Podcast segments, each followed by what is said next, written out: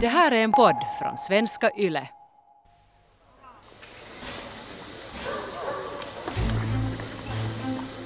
I början av april år 1920 anländer tre män från Helsingfors till Tammerfors.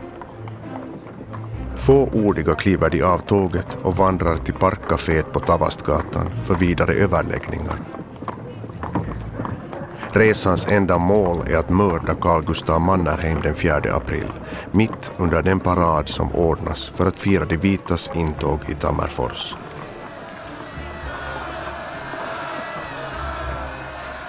Mannerheim ska motta folkets hyllning, men mellan talen och hornmusiken ska historien skrivas om av en välriktad kula.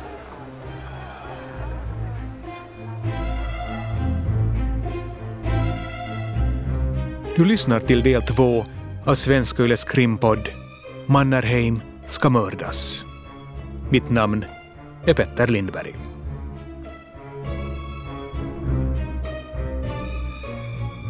Efter inbördeskriget är Finland ett delat land där makten finns hos den vita borgerliga sidan. På motståndarsidan bland de röda finns bitterhet, ilska och en dröm om revansch och hämnd, säger historikern Apo Roselius. Man vet inte hur pass omfattande kommunisternas planer är till exempel, vad, vad de är kapabla att göra. Och man är på borgerligt håll rädd för faktiskt en revolution. Det politiska läget är eldfängt i Finland och trots att Carl Gustaf Mannerheim år 1920 inte besitter någon formell makt personifierar han ändå den vita terrorn i många rödgardisters ögon, säger Mannerheim-museets chef Kristina Ranki. Det finns hat och det, där, det avtryck som Mannerheim lämnar bland de röda så den är ju full med förbittring såklart. Sen finns det också undantag som, som resultat av hans aktiva försök att benåda eller förbättra helt konkret sociala förhållanden och han, han liksom håller tal i den riktningen som kan anses vara ganska radikala också. Men trots ansatser till försoning och löften om reformer har ett gäng röda officerare som fått sin utbildning i Petrograd bestämt sig för att undanröja Mannerheim. Men är planerna deras egna eller finns det ryska krafter som beställt det här politiska mordet? Kyllä tämä tuntuu omalta keksinnöltä ja toisaalta niin se on siinä mielessä hyvä keksintö, että sillä varmaan sai sitten uuden kotimaan vallanpitäjät myötämieliseksi, että joo vai mennään tappamaan Mannerheim. Totta kai.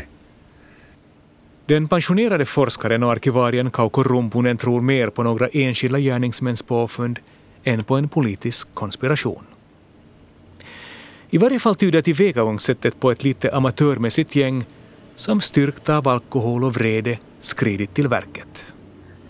Toiminta oli perisuomalaista, että tuota, toimintapäivää edeltävänä iltana tai ennen kuin liikkeelle lähdettiin, niin harjoiteltiin niin sanotusti kostean paikan leirillä, eli ryypättiin koko ilta ja sitten vedettiin pitkää tikkua siitä, kenen kuuluu suorittaa varsinainen attentaatti. Alexander Weckman, Alexander Suokas och Karl Salo har förfriskat sig rejält inför uppdraget, säger Kauko Rumpunen. Dessutom drog man långsticka om vem som skulle utföra dådet, framgår det i ett domstolsprotokoll från hösten år 1920. Hur många som deltagit i lottdragningen var det inte tal om. Men lotten hade fallit på Salo. Vittnet förklarade även att Weckman under ett besök anförtrott honom att de inte fått någon utomstående hjälp och att de alla skulle fly efter att general Mannerheim mördats. Ajatuksena oli jopa käyttää konekivääriä tähän attentaattiin. Kyllä verkostot ja järjestelmä oli toiminnassa, mutta ei toiminut kovin hyvin. Alexander Weckmans dödspatrull lekte med tanken att använda ett maskingevär under attentatet. Men i den ryska hemliga polisens rapporter omnämns också bomber som ett alternativ att döda Mannerheim. Tsekan presidentin raportissa puhuttiin pommista.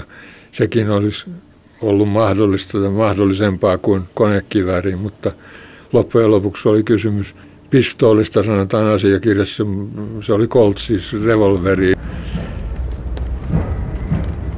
I slutskedet anförtros Karl Salo ändå en oansenlig kolt med dålig träffsäkerhet, säger Kauko Rumpunen.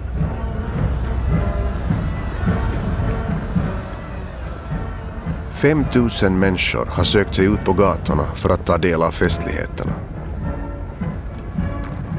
Bland dem står Karl Salo och huttrar vid ett gathörn. Trots att solen skiner och det i Tammerfors är ovanligt varmt för årstiden. Hornorkesterns instrument blänkar i vårsolen.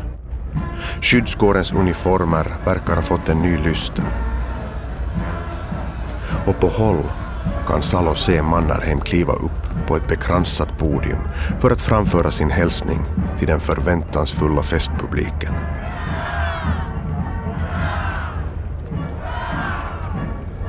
Salo söker sig närmare talaren. Stöter av misstag till en ung kvinna och ett barn och ber om ursäkt. Samtidigt som han skyndar sig vidare, rädd att Mannerheim plötsligt ska försvinna ur blickfånget.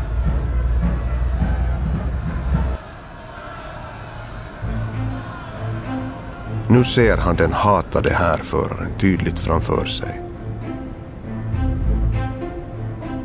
Salo tar ett djupt andetag och sticker in handen under rocken för att försäkra sig om att vapnet ligger kvar i innerfickan. Han sneglar till höger och till vänster och sen på Mannerheim som står där på podiet. Vital och spänstig, som om inget kunde undgå hans vaksamma blick. Arvoisat naiset ja miehet, taistelu maamme vapauden ja tulevaisuuden puolesta on koko kansamme yhteinen asia.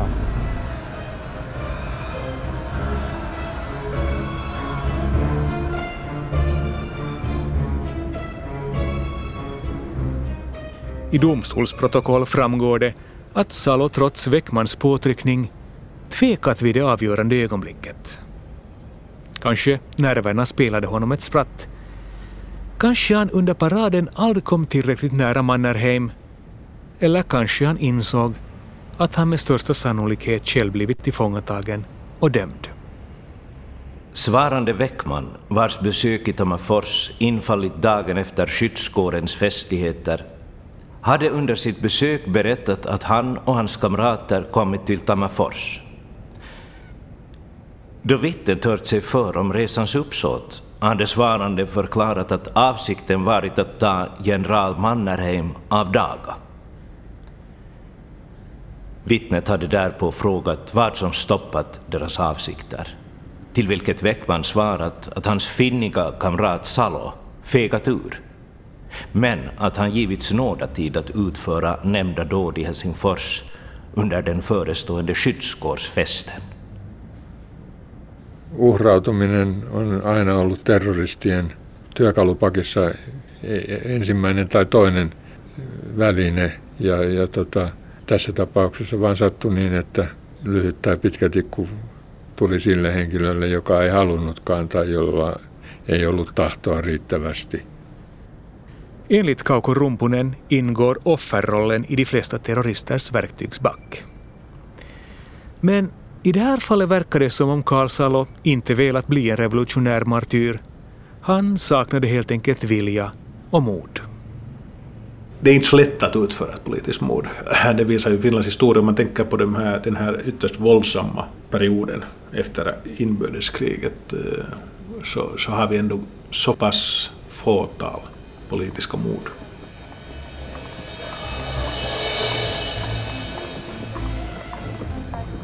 Karl Salo flyr från platsen utan att ha avfyrat ett enda skott. Hans kumpaner Weckman och Suokas förlorar också Mannerheim ur sikte och hela operationen blir ett stort misslyckande för de här tre röda officerarna som drömt om blodsutgjutelse och hjältedåd. Men Alexander Weckman vägrar ge sig. Han konfronterar Salo och ger honom en sista möjlighet till revansch. Om några dagar ordnas en skyddskårsfest i Helsingfors. Om du då inte lyckas skjuta Mannerheim riskerar du ditt eget liv.